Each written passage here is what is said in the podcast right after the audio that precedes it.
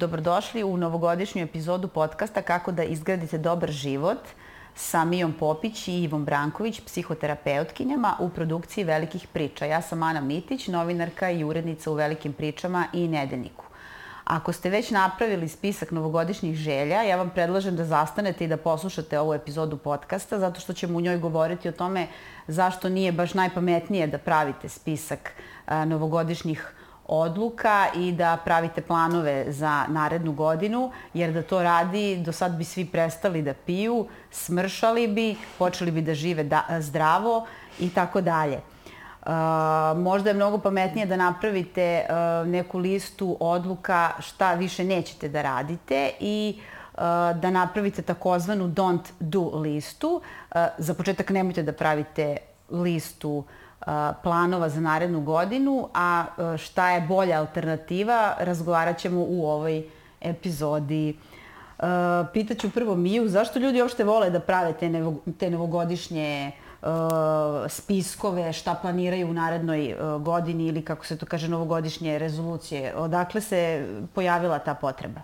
Pa ja mislim da prosto u oči nove godine postoji taj veliki pritisak da u novu godinu treba da uđemo uh, sigurni šta od sebe želimo i e, čitav taj neki hype, moram ga tako nazvati, ne znam koja je adekvatna srpska reč, da e, je nova godina u vezi uspeha, prosperiteta, sreće i onda mi nekako sebi stvarno stvorimo veliki pritisak da pošto su to planovi za novu godinu, mi onda to sve treba da razradimo kroz neke vrlo e, konkretne ciljeve mislim da prosto ta jedna toksična uh, pozitivnost uzme mah baš u vreme, to jest u oči nove godine i da mi često nekritički uh, tome pristupamo i prosto poverujemo da pošto se o tome priča i pošto to tako treba, ne dovedemo u pitanje da li je to zapravo dobra ideja da baš tada donosimo novogodišnje, to jest odluke, ciljeve, planove, šta god.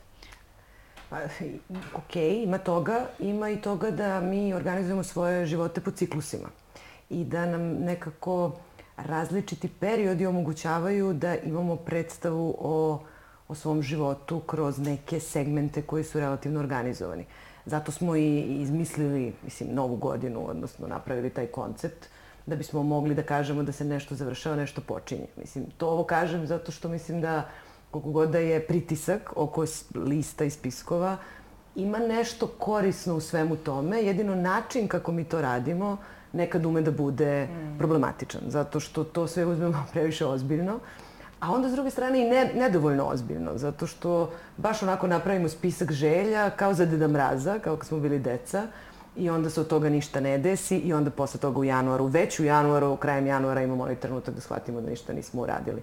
A mislim da nije loše da svakako kad već funkcionišemo po ciklusima, kad već jeste nova godina, nešto se završava, nije loše da razmislimo gde smo, šta smo i kako smo i nije loše da imamo neku ideju šta bismo voleli u narednom periodu, samo možda sa manjim očekivanjima. Da, na malo drugačiji način. Mm. E, nisam ni mislila da kažem da nije loše, da je loše u stvari da se planira. Svako od nas negde planira, ima neku ideju kako želi da mu izgleda život u nekom mm. narednom periodu, ali te neke stroge liste, uh, planiram da smršam, planiram da prestanem da pušim, planiram da se hranim zdravo i tako dalje, Uh, u praksi se pokazalo da one u stvari ne funkcionišu i to ka, pokazuje i uh, istraživanje da negde otprilike do marta uh, dobar deo ljudi, više od 50%, apsolutno odustane od svih tih mm -hmm.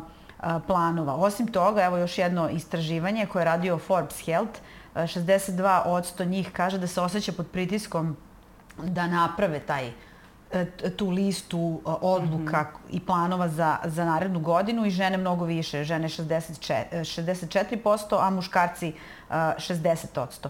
E, sad ću da vam pročitam nešto što je jako zanimljivo, isto iz tog istraživanja, to su najčešće rezolucije za 2024. godinu i postoji jedna razlika u odnosu na prethodno istraživanje koje se odnosilo na prethodnu godinu.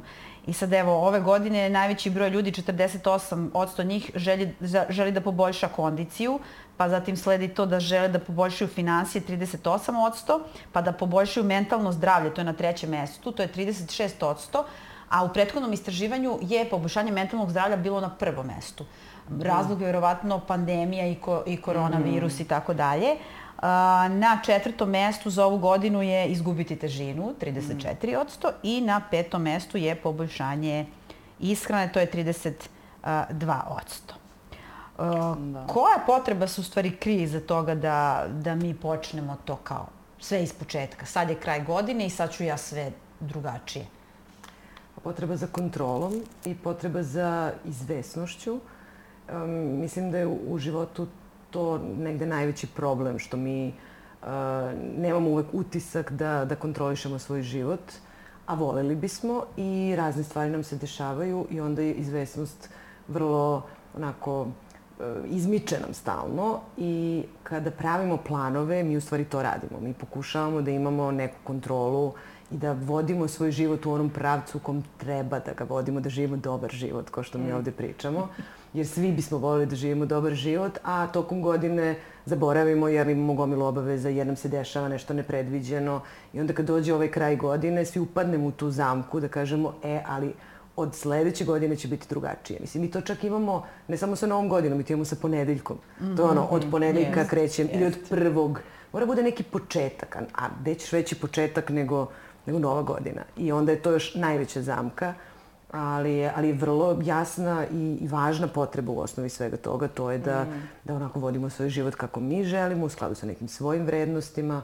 To su sve, ovo što si pročitala su dobre stvari. Mislim, yes, svi tome težimo, loše. naravno. Da. Ovaj, to je dobra stvar što se mi fokusiramo na sebe pa se pitamo šta nam treba. E, ono što je rizik, što se onda postavimo ciljeve koji nisu realistični. Ja sam negde pročitala da um, prodaja zdrave hrane Uh, poraste za 30% nakon nove godine. Pa kao, da, zato što to da je taj period kao sad ću ja sve zdravije, onda krene život, onda krenu obaveze, onda krene sve ono što je zapravo i dovodilo do toga da se ne bavimo time i, i onda se to u martu verovatno osjećamo loše. Pa da, ova epizoda u stvari može da se sluša do marta bez problema, zato što nije samo novogodišnja dok, dok ljudi ne odustanu od tih svojih odluka. A koliko, se, koliko su nam te odluke u stvari uh, izgovor uh, Mija za ono što mi nismo uradili uh, tokom godine i ovo što je rekla Iva nismo stizali i tako dalje, pa sad kao e, pa sad ću često ja. jesu, često jesu zato što te odluke su često jedna vrsta privida. Mi zapravo zaboravljamo da ti kada doneseš odluku, to je najlakši deo, a sprovođenje odluke zahteva samo disciplinu. I ono što se često desi uoči nove godine, pod pretpostavkom, naravno to ne važi za mnoge ljude, ali pod pretpostavkom da smo dobro raspoloženi u ovim novogodišnjim I praznicima sve, i onda nam je lepo i onda mi iz tog pozitivnog raspoloženja donesemo odluku i mi imamo utisak da smo mi već prešli pola puta zato što smo odluku doneli. A vreme kada ti treba da je sprovedeš je obično tamo negde posle 1. januara, kada možda raspoloženje više i nije tako dobro. I tu se zapravo deš, dešava zašto ljudi se na kraju vrlo razočaraju. Prvo, donose, donošenje odluke je često to što ti kažeš izgovor, jer kao ništa nisam radio toku godine, recimo vezano za ne znam, svoje fizičko zdravlje, sad sam se malo raspoložio, vidim lepa je atmosfera, sad donesem odluku, mislim da sam već sve rešio, a onda sve to treba sprovesti u delo I tu zapravo ljudi često dožive ovaj, jednu vrstu obezhrebrenja i onda krenu sebe da samo obezvređuju zašto nisu dosledni u donošenju odluka. A ono što je ovde zapravo vrlo važno zapitati se u kom raspoloženju je donosiš. Jer meni je tu recimo bio zanimljiv jedan eksperiment kog, kog sam se setila baš kad smo se, ovaj, kad sam pogledala o čemu ćemo pričati. Uh, gde su ljudima davali vrlo pozitivnu muziku da slušaju u jednoj grupi, a drugoj grupi su davali vrlo tužnu muziku. I time su prosto kod njih indukovali specifično raspoloženje, pozitivno ili negativno. I onda su ih pitali da opišu svoj život. I ovi koji su slušali srećnu muziku i koji su bili pojačano srećni nego što je to uobičajeno, su svoj život procenjivali kao da im je sve lepo i divno, što nije bila realistična procena, kao i ovi koji su bili tužni, koji su vrlo pocenjivali kvalitet svog života. Tako da ja mislim da mi u vreme praznika ili postanemo pojačano raspoloženi, ili postanemo pojačano neraspoloženi jer imamo utisak da, da bi morali da budemo srećni, što paradoksalno stvara jednu vrstu tuge zapravo mm -hmm. i mislim to je posebna tema. Tako da ja mislim da prosto stanje u kome mi donosimo odluke nije realistično zbog čitavog tog pritiska i onda samim tim nismo napravili ni dobar plan kako ćemo sve to sprovedemo u delo, jer smo mislili, evo ja doneo odluku i sad će to sve samo, samo nekako da, da se razvije. A da li možete da napravite razliku između tih ljudi koji prave te spiskove novogodišnjih odluka i ljudi koji apsolutno to ne podržavaju i ne prave, ne ponašaju se uh, na taj način. Čak mislim da žene više prave te spiskove, a, a muškarci uh, manje. Pa, ja ne znam šta je u osnovi te razlike, to mi je vrlo zanimljivo. Mm. Uh, ja verujem da se svi ljudi preispituju nekako. Mm -hmm. Sad, u kojoj meri i to mislim da više zavisi od tipa osobe, kako je, kako je navikla i kako je sklona da, da planira, da razmišlja, da inače živi. Uh, tako da mislim da, da je to prosto određeno time u kojoj meri jel, volimo da, da organizujemo svoj život, a da svi pred kraj nove godine, pred kraj nove godine, pred kraj godine promišljamo o tome gde smo i šta bismo voleli. Pa će to ljudi da rade u različitim formama. Neko će baš da napravi spisak i listu, neko će da napravi vrlo elaboriran plan, neko će napraviti spisak želja, neko, meni se to, to dopada, piše pismo sebi na kraju sledeće godine. Mm. Uh, tako da ima različitih načina kako se mi odnosimo prema tome. Mislim da niko nije imun na to i da stvarno ne postoji osoba koja pred novu godinu ne promisli hm, kakva mi je bila ova godina, šta bi bilo dobro da se desi sledeće godine, šta želim. Tako da to, to je univerzalno. Je sad baš ono liste i spiskovi, to već ima veze sa karakterom, kao ko je koliko organizovan, ko je koliko mm. posvećen, fokusiran i voli da tako sve kontroliše. Opet se vraćamo na priču o, o kontroli, da. to je da, ako ideja. Bismo, ako bismo sada analizirali koliko ljudi odustane od tih odluka, mislim da bismo se zaista negde iznenadili. Već sam spomenula da do, do, do kraja marta više od 50% ljudi odustane od toga. Zbog čega odustanu? Pa odustanu upravo zato što shvate da to nije samo odluka, nego zahteva i određenu frustraciju s kojom ti moraš da se nosiš da bi to sproveo. Mm. Mislim da odustanu i zato što prosto shvate da možda ta odluka i nije nešto što je njima toliko važno. Znaš, moramo i to da uvažimo. -hmm. Nije samo stvar nedostatka e, discipline i toga da smo odluku doneli u nekom nerealističnom e, raspoloženju, nego ja mislim da mi tad puno od sebe očekujemo i onda shvatimo tamo negde u martu da možda to prosto nije realno ili da nam nije prioritet. Tako da ja mislim da mi ono što možemo da zagovaramo, to je ovo što Iva rekla, neku vrstu samorefleksije, neku vrstu promišljanja, jer to jeste kraj i novi početak, pa je u tom smislu nekako možda i poželjno da se zapitamo, da promislimo, ali na tom nekom nivou vrlo ono rigidnog postavljanja stvari, ove, ovaj, mislim da možemo sebi da stvorimo veliki pritisak i onda u martu stvarno da se osjećamo Loš. nekako manje vrednim što nismo dobacili tim nekim postavljenim ciljevima. A ti ciljevi, i ti si navela oblasti u kojima se mm -hmm. zapravo postavljaju te novogodišnje odluke, to su oblasti u kojima mi imamo vrlo jake navike. I tu su ljudi vrlo naivni zato što misle da će jednom odlukom uticati na naviku. Navike su tako vrlo ozbiljne stvari.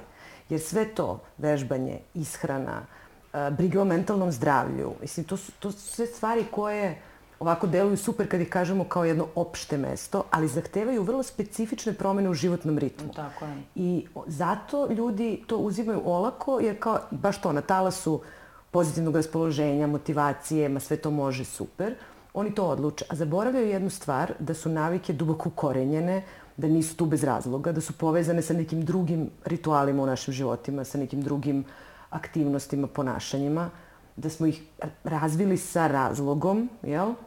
I da bi ih promenili potrebno je vreme i potreban je napor koji treba da se uloži. E, mi tu isto pravimo grešku zato što racionalno prilazimo nečemu što nije potpuno racionalno, jer mi imamo mm. navike koje nastaju iz drugog razloga. To one, za, za, za navike i za neka ponašanja je zasluženo uh, impulsivno u nama. Znači, mi znamo, mi ne promišljamo. Kad radim ovo, onda radim ovo. Ne znam, ako jedem burger, uz burger jedem pomfrit. A zapravo kažu ovaj, neki autori da je dobro praviti te novogodišnje odluke tako što ćemo da nađemo trigere koji su tu da bismo mi imali loša ponašanja. Pa menjati neke male stvari po principu ako da. Jer mm -hmm. mozak radi po algoritmu kad su mhm. navike u pitanju kratkoročno, ne dugoročno. Racionalno možemo svašto nešto dugoročno da razmišljamo, ali kad se nađemo u situaciji tu treba da menjamo stvari i da nemamo preveliko očekivanja. Ne prestaću da jedem u meku za uvek, zato što mm -hmm. Već u martu završio si u meku i pojao si sve tri puta veće nego što je trebalo. Ali ako jedem burger, ješću ga u salatu. Sad vjerojatno to u meku baš nema mnogo smisla, ali generalno neka vrsta modifikacije tog tipa i manja očekivanja, ali zapravo onda dugoročni efekti. Jer činjenica je da smo neke navike razvili s razlogom. Sad, da li je to sad neki dobar ili loš, nećemo u to da ulazimo. Mi jednostavno živimo na određeni način jer nam je to potrebno da bismo živeli manje više ok cele godine.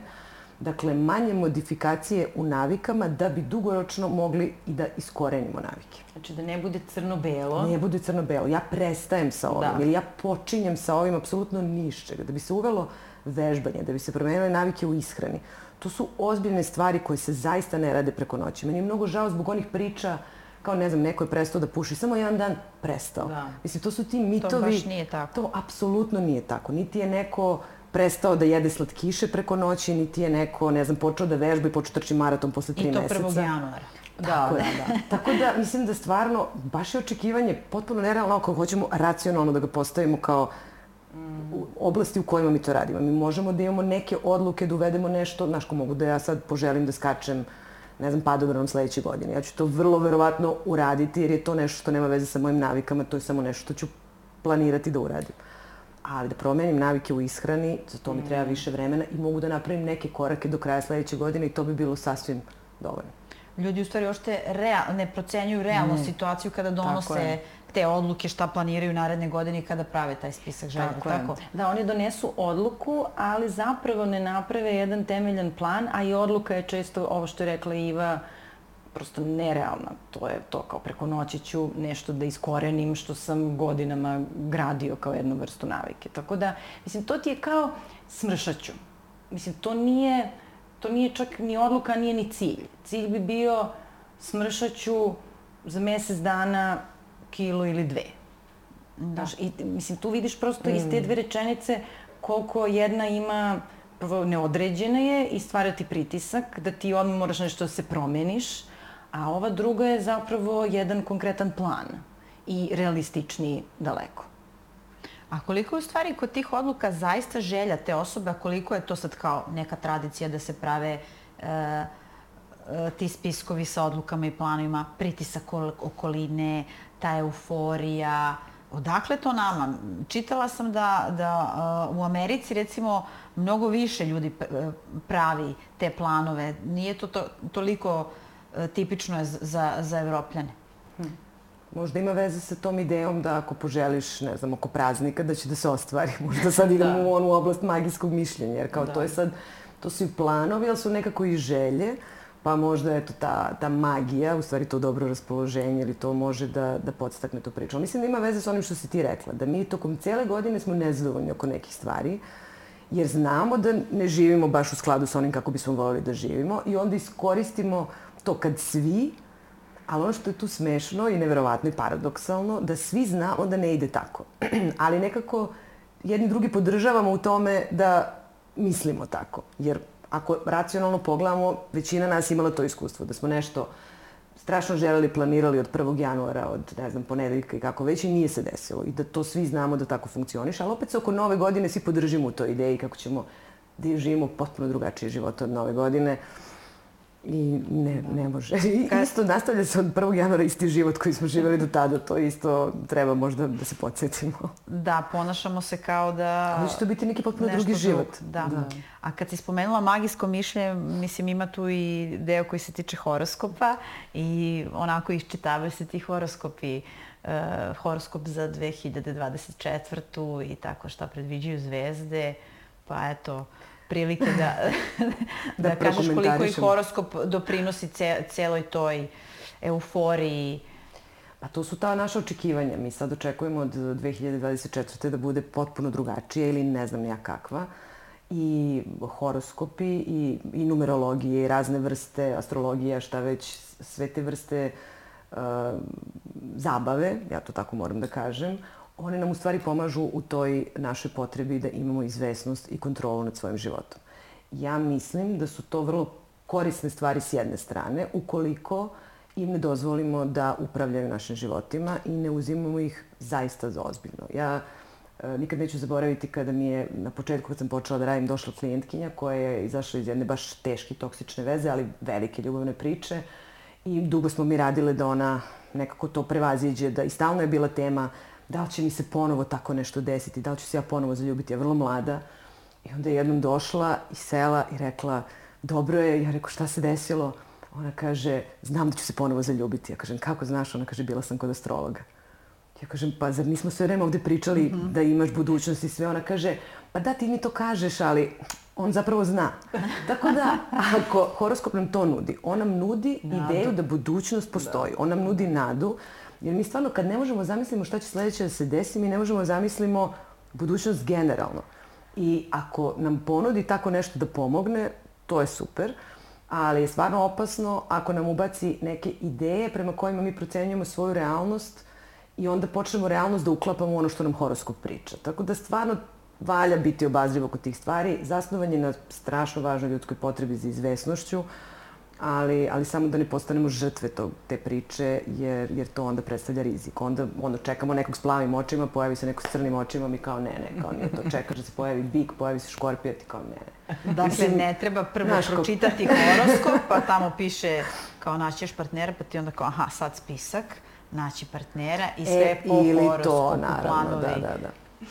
I sad, da, definisati život ili ne praviti planove zato što je nešto retrogradno ili, mislim, znaš, prosto je, kako da kažem, treba živeti nekako po svom, a ovo uzeti kao jednu priču koja može da bude tu jedna fina dopuna i, i zabava.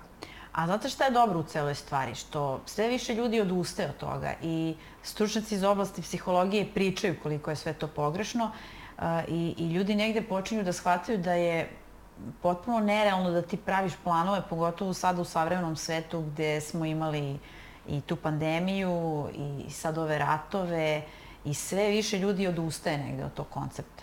Od koncepta horoskopa i... Ne, od horoskopa. Ja sam bila i dalje od horoskopa. horoskopa. Odustaje od koncepta pravljenja tih e, novogodišnjih odluka.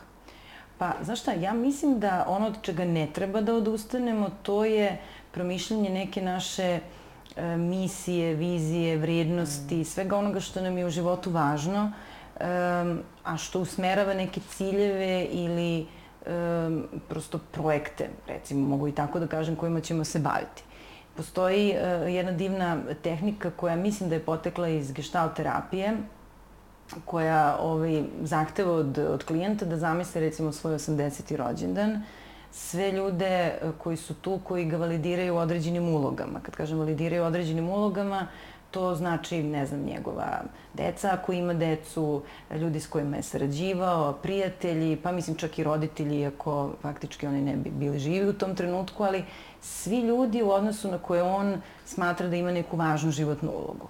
I onda se tu postavlja pitanje, okej, um, kako bi želeo da ti oni nazdrave, kako da ti se zahvale, šta da kažu, kako si uticao na njih.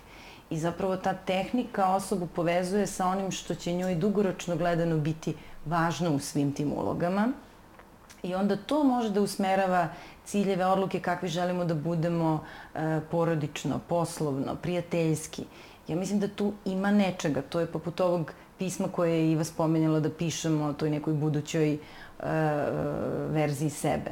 Tako da mislim da to nije nevažno, ali e, novogodišnje odluke, ova, onako kako mi sad o njima pričamo, su jedna kozmetička veri, varijanta te neke vizije ili misije koje zapravo zahteva jedno dobro promišljanje šta ti želiš od svog života. Dobro, šta nije u redu sa, sa takvim odlukama, kako ih mi najčešće pravim? Zato što nisu informisane onim što je nama suštinski važno, mhm. -huh. nego češće onim gde mi vidimo da nas nešto žulja i gde nismo disciplinovani i mislimo da će jedna odluka to da reši.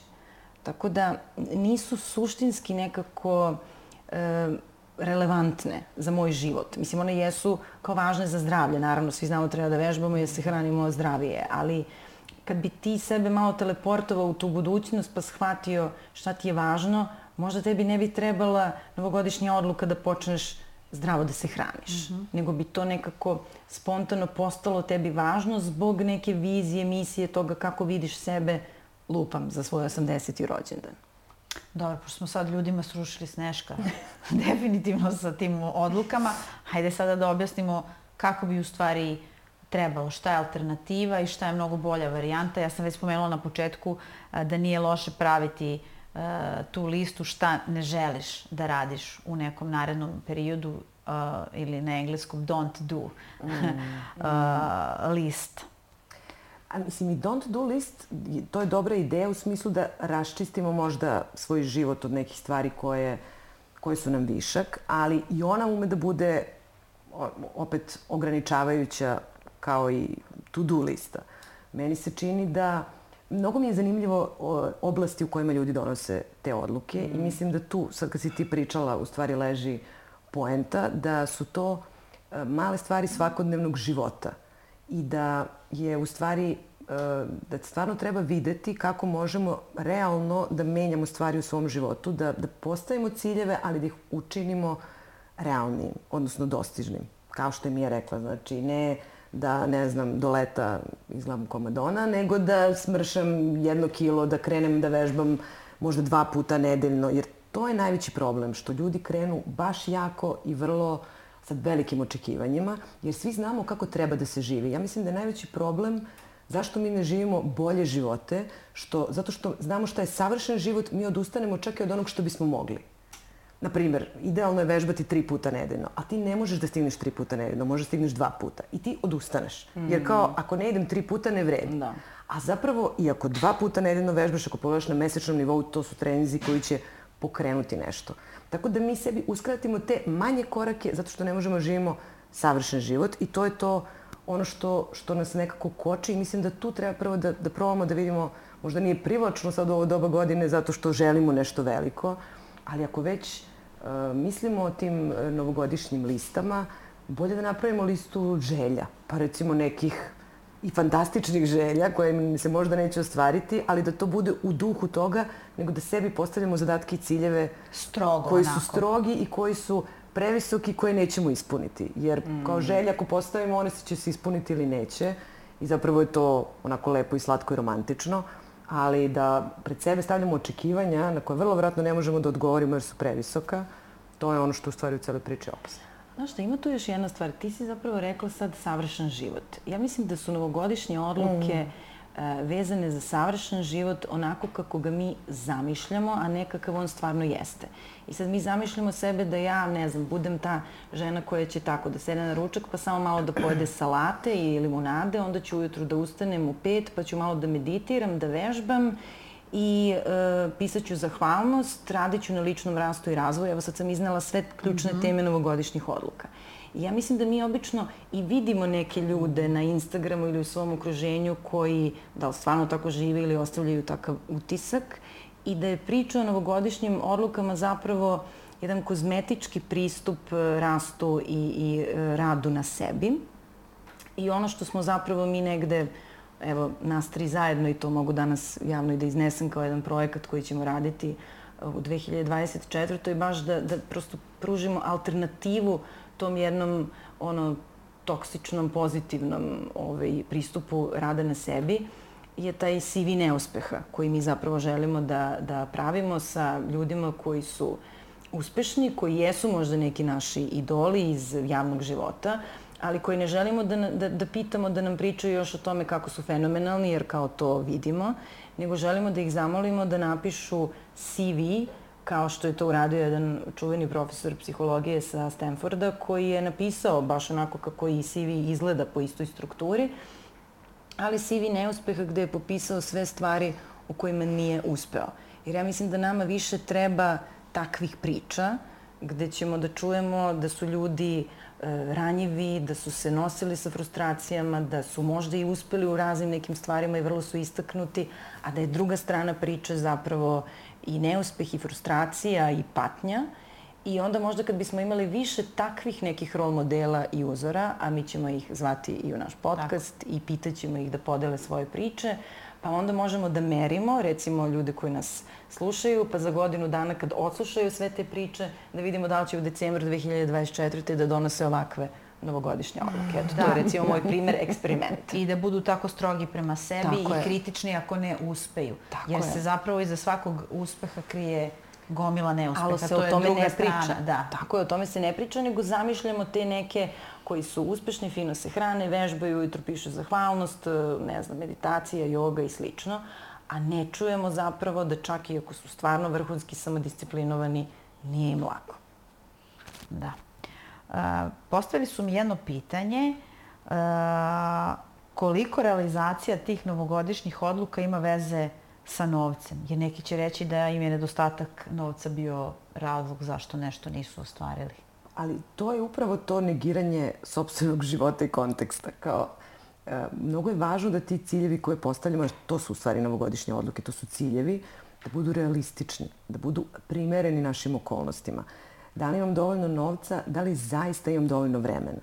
Jer to je, to je mnogo važno. Mislim, džaba ubacujemo, ne znam, meditaciju u redovni raspored, ako jedva stižemo na meditaciju i ne možemo da dođemo da. do daha kad, kad uletimo tamo, pa onda izmeditiramo, pa trči, ne znam, po decu na, na aktivnost ili kako god. Znači, moramo da budemo ekonomični u postavljanju tih ciljeva. Znači, da li, da li možemo to da izvedemo finansijski, da li imamo dovoljno vremena, da li nam naše druge socijalne obaveze to dozvoljavaju. Onda tu dolazi u vezu i ova priča o listi šta više ne želimo. Kao, šta je ono čega želim da se rešim u sledećoj godini, čega želim da imam manje i tu mislim da, da treba na taj način proceniti možda kako otvoriti vreme za, za nešto što, što želimo. Ako želim da počnem da, da vežbam ili ako želim da odvojim vreme za nešto, šta moram iz života da, da izbacim, odnosno da se nečega odreknem ili da se nečega rešim, mada mi zapravo to onda prija, da bih mogla da, da uvedem neku novu stvar ili šta neću kupiti da bi mogla da obezbedim da, i da se zdravo hranim i da, da vežbam ili šta već od tih, ili da idem na psihoterapiju, jer mislim to su te sve stvari koje, koje moramo da uzmemo u obzir kao super i raditi na ličnom radu i mhm. razvoju. Ako ja želim da pohađam ne znam koju edukaciju, a shvatim u januaru da nemam novac, onda je to stvarno, da. mislim, prilično frustrirajuće. Jeste, ali mnogi su strogi prema sebi na kraju godine, ne samo kada se prave te liste, nego kada procenjuju kako, kakva im je bila cela godina. Mm. Pa meni se zato sviđa ova don't, kako se zove? Don't, don't do lista. Don't do lista. Ona mi nekako e, deluje kao lista nekih dozvola da možda kažemo ne, da postavimo granice, da sebe ne opteretimo. Nekako mi deluje nežnija. Mhm. Mm E sad, zavisi, mislim, to zavisi od osobe do osobe. Recimo, ja kada razmišljam da mi se dopada don't do lista, mislim na svoje klijente koji su perfekcionisti, koji sebe zatrpaju svim i svačim i kojima stvarno treba dozvola da nešto ne moraju da rade. Ove, ali da, prepostavljam da i don't do lista kao i svaka možda se izopači pa da onda to opet postane lista Druga nekih krajna, strogih da. zabrana.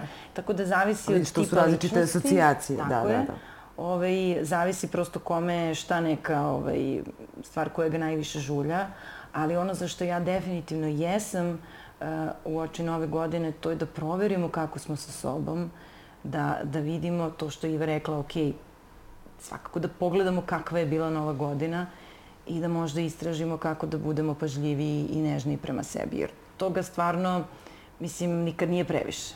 Možda da. lista, sad kad mi ja spomenula ovaj CV neuspeha, Može jedna lista grešaka, ali ne iz perspektive e, ili događaja koji nisu bili prijatni, ne iz perspektive liste neuspeha, kao sad sam u svemu ovome failovo, pa, pa ne, nego kao lista učenja. Mm -hmm. Jer to je poenta te refleksije na kraju super. godine. Kao da. šta se meni desilo ove godine što mi nije baš prijalo, ali šta sam ja iz toga naučio? To kad ljude pitaš, oni se uvek iznenade, zato što mi ne mislimo tako o svojim iskustvima. Mm -hmm. Mi jednostavno kad se nešto loše desi, to preživimo i idemo dalje. A loše situacije čine da mi naučimo nešto iz njih i da se razvijemo. I ovaj period može da bude upravo to. Šta se sve ove godine desilo što je bez veze i šta smo naučili iz toga. Da. I mislim da onda odatle možemo da vidimo šta, šta dalje. Da li ima veze sa, sa tim ili ima veze sa, sa nečim drugim, ali pre svega da bismo napravili dobru listu za sledeću godinu šta bismo voleli da se mhm. desi, mm -hmm. mislim da je ključno važno da, da oprostimo sebi hm. svoje, svoje sve, sve što nam se loše desilo. I tu stvarno mislim da je važno da kažemo da nekad mi napravimo greške, ali nekad nam se jednostavno nešto loše desi, mi opet prema sebi budemo prilično strogi. Jer kao zašto se to baš meni desilo i kako sam ja to mogla da sprečim, život je prilično nepredvidiv i svašta može da se dogodi. I, I to je onda važno da zaista sve te stvari vidimo nevezano od odgovornosti šta se dogodilo, da to vidimo kao kao učenje. Jer šta god da se desi, mi zaista možemo iz toga da izađemo nakon što naravno prođe i neprijatnosti, boli, tuga i šta god, malo drugačiji, malo osnaženi ako tome priđemo kao prilici za učenje, a ne kao nečemu što pod hitno treba da potisnemo, gurnemo negde i ono shvatimo kao poraz za koji niko ne sme da zna. Lista lekcija, naučenih lekcija, to lepo zvuči. I to nežno i polako. Tako je, da. Da, evo još, još uh, jedan savet na koji sam ovaj, naišla istražujući šta je alternativa tim strogim planovima i uh, ima dosta saveta. Uh, ima otprilike savet kako napraviti tu listu stvari koje više ne želiš uh, da radiš i to, je, i to je mnogo bolje nego da pravimo listu, strogu listu stvari koje ćemo mm -hmm. uraditi naredne godine.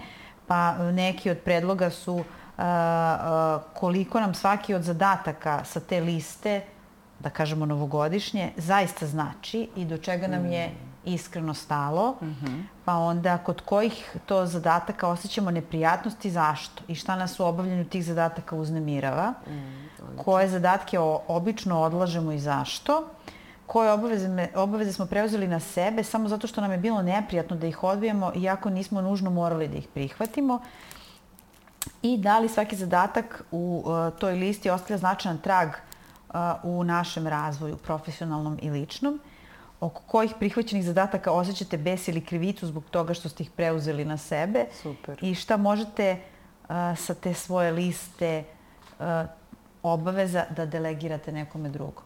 Pa vidiš kako je ona nežnija, mm -hmm. jer ona govori o granicama, o tome da neke stvari, uh, prosto nekim stvarima treba da kažemo ne, ali govori i o nekim uh, granicama prema sebi, jer ta priča o odlaganju obaveza, ta čuvena prokrastinacija, je isto ono gde mi sebi ne postavimo granicu, gde kažemo, e, mnogo mi je sad važnije da prosto samo ovo odložim jer će mi odmah biti prijatnije, a stvaram privid da ću ga sutra završiti, što je jedan manjak samodiscipline. Ali ovde to nekako mnogo lepše, na nivou emocije opisano. Mm -hmm. To gde si odložio, gde si možda nešto bio ljut na sebe, mislim, ne znam, mene se definitivno više sviđa.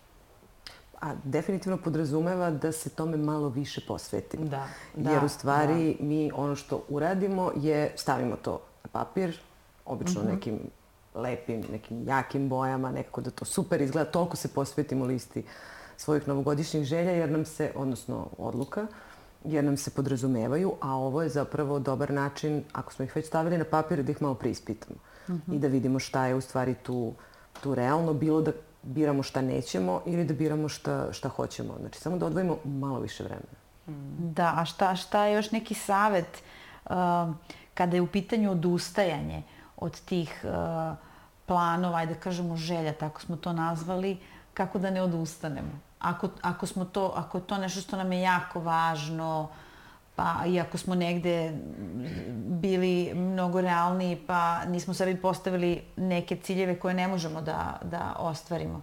Pa ja tu često pitam svoje klijente kad pričamo generalno o temi samodiscipline i razvijanju nekih novih navika, ja ih često zamolim da zamisle sebe u narednih recimo godinu dana da su potpuno ovladali tom navikom. Šta god daje, da 15 minuta dnevno vežbaju, da se šetaju, provedu više vremena u prirodi, mislim šta god da je tema i e, potrudim se nekako da ih e, teleportujem u budućnost gde su oni potpuno to uspeli. I onda ih pitam, ok, šta su benefiti?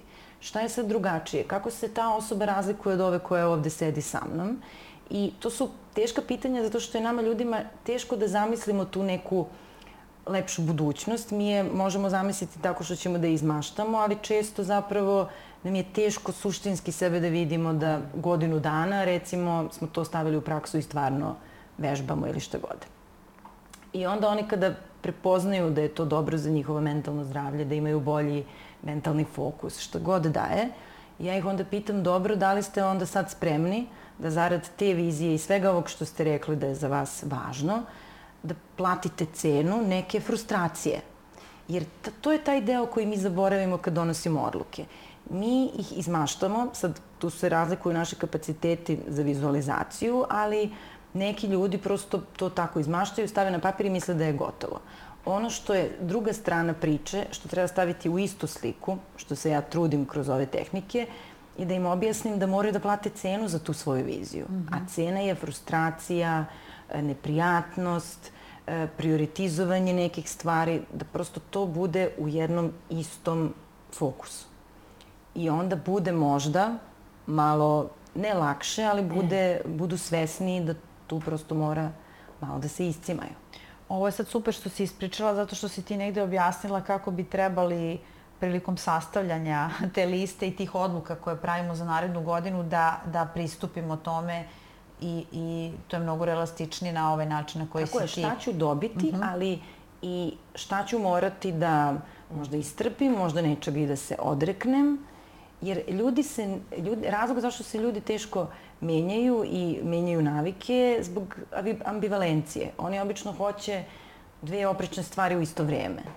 Hoće i da, ne znam, izlaze uh, i da jedu, a hoće i da smršaju.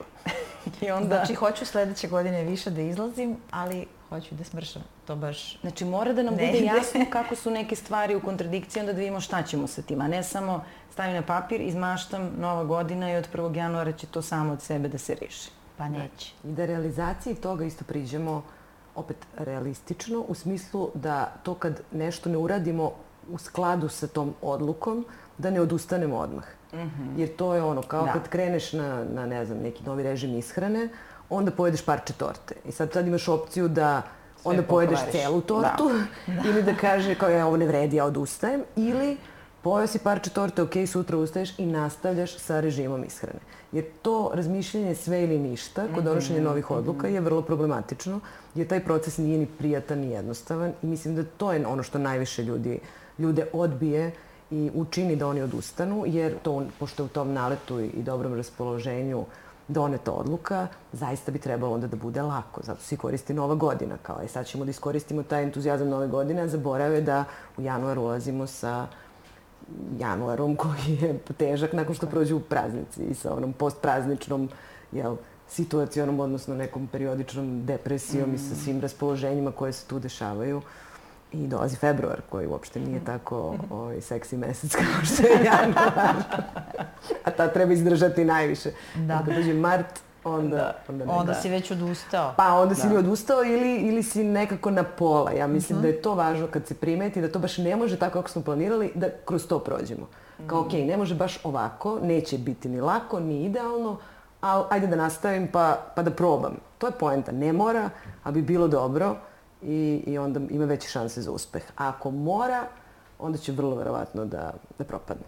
A kad su u pitanju te krize, evo Iva je sad spomenula, uh, Uh, kad si na pola negde, pa kao da li ćeš da pojedeš celu tortu ili, to jest da odustaneš, kako, kako te neke krize prevazići? A to je ključno zapravo koji zaključak ja donesem o sebi jer sam posustao. Mm. Dakle, evo uzmemo taj primer um, zdravog režima ishrane. Mislim, to je možda jedna od najčešćih odluka koje Jest. ja čujem vezano za novu godinu. I sad ti si 30 dana se hranio relativno zdravo i kako si sebi to ovaj, odredio.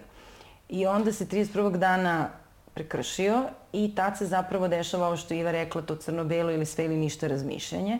A ono što postiče da ti zapravo sve prekršiš je zaključak koji donosiš o sebi, lično. A to je ja nisam disciplinovan, ja nisam dosledan, ja sam lenje, od mene nikad ništa neće biti. Taj jedan vrlo kritički nastrojen i grub unutrašnji dijalog i onda pošto je sve to tako, pa naravno da ćeš da nastaviš da jedeš svaki dan u meku i da pojedeš tortu mm. i što god. Suština je da prosto, mislim to je sad meni mnogo lakše da kažem nego što je to stvarno lako staviti u praksu, ali da, da kažemo sebi da smo mi ljudska biće koje imaju neku disciplinovanu strategiju, onda jedan dan je prekrše i onda sutra mogu da nastave samo disciplinovanu strategiju, ovo što Iva rekla, ali suština toga je da zapravo kažeš sebi prekršio sam, tačka. Ne, ne prekršio sam i zbog toga sam, pa sad šta god, koju mm -hmm. god etiketu sebi da zalepimo. Tako da ta priča o prihvatanju sebe čak i kad nam ne ide, e, je zapravo put ka nekom možda malo više samodisciplinovanom pristupu navikama. Da. I prihvatanje sobstvenog procesa. Prihvatanje sebe i sobstvenog procesa, jer to što se nešto radi na neki način, kako nam društvo kaže ili za ishranu su baš strogo propisana pravila, ne znači da radi za svakog. Znači, ovaj proces može da izgleda drugačije. Jer svaki proces stvarno može da izgleda drugačije. Naravno da idealan proces znači da ću ja svaki dan da jedem 50 gramova, ali to, to nije realno, to, tako niko ne živi zapravo.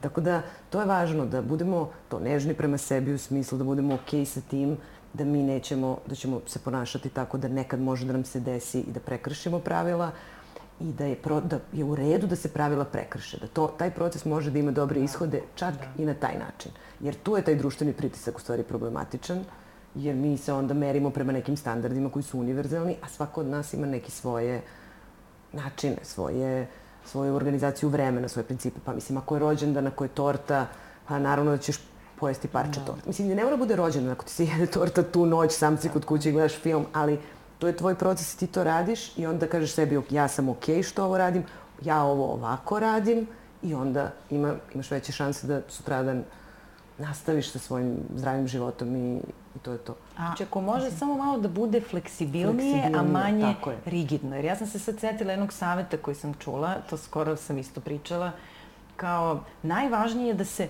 uobročiš. Kao moraš u isto vrijeme uvek da jedeš. Mislim, ok, verovatno postoji neka nutricionistička logika za to.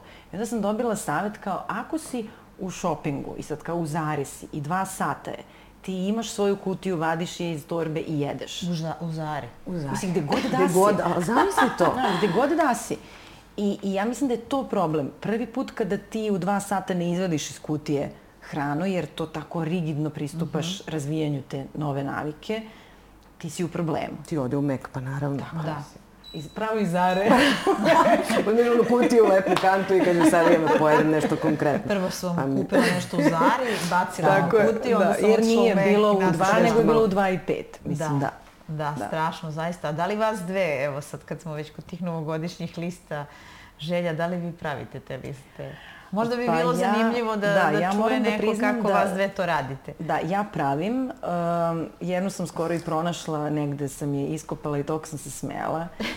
Ove, mislim, to su više neke teme. Nisu, uh, to su teme koje su meni važne za tu godinu. Uh, I jesu vezane za moje različite uloge, tako da je to neka moja variacija one vizije o kojoj sam pričala uh, kad zamisliš sebe za svoj 80. rođendan. Tako da većina mojih tih novogodišnjih odluka nisu to ću raditi, nego na to ću obratiti pažnju, ovo mi je važno, ovo, pa mislim, malo je i ovo što je rekla Iva šta sam naučila, e, tako da, da, tako otprilike to izgleda. Ključne teme na koje treba da obratim pažnju, koje su vezane za neke moje životne uloge, mene kao, ne znam, majke, psihoterapeutkinje, prijateljice, preduzetnice, i onda to na osnovu tih uloga mapiram koje su teme. Mm -hmm. A ti Iva?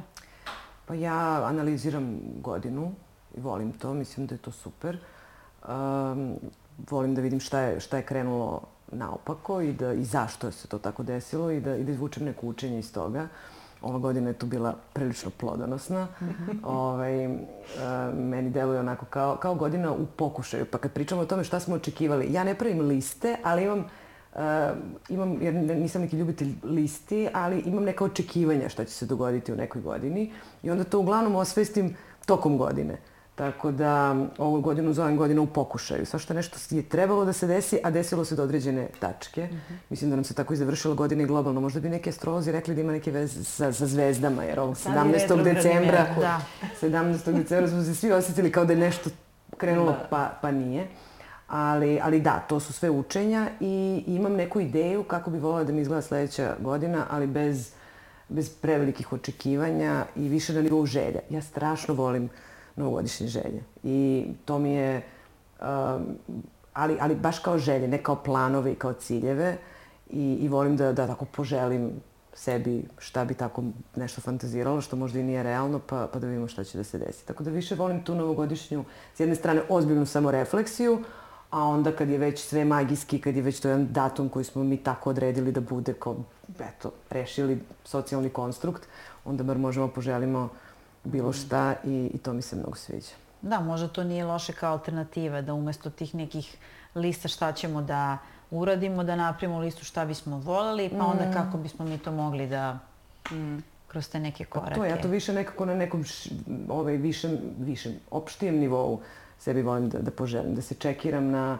ona tri, onom sveto trojstvo, ljubav, vera, nada, kako stojimo s tim. Ja mislim da, da je to ono definicija, da tako možemo da odredimo kako smo sa mentalnim zdravljem, kao kako ljubav u smislu kakvi smo prema sebi, kakvi su nam odnosi sa drugima, uh, koliko imamo vere da možemo šta god da smo rešili i da će drugi ljudi oko nas isto biti okej. Okay i koliko imamo nade da će zapravo stvari biti okej. Okay. Tu se vraćamo na ovu priču o horoskopu i o svemu onome što mi stalno pokušavamo da imamo neku, neku ideju u kom pravcu idemo i šta će biti. I ako na bilo koje od ove tri stavke nismo kako treba, onda možda tu treba da vidimo šta možemo da, da promenimo. Šta mi treba da mi budu bolji odnosi sa drugima, prema meni, šta mi treba da malo više verujem u sebe ili u druge i i čemu se zapravo nadam i da podstaknemo to da se nadamo. Jer mislim da nam to, da. to toga kad nema, onda sve ovo drugo je u problemu.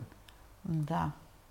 Dobro, hvala vam puno o, za ovu novogodišnju epizodu koja će moći da se sluša i nekim drugim danima, ne samo oko nove godine.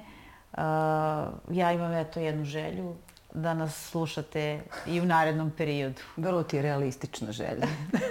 e, mislim da to zaista nije teško. To je lepa želja. Budite Jeste. dobri i živite dobro. Da. Hvala vam.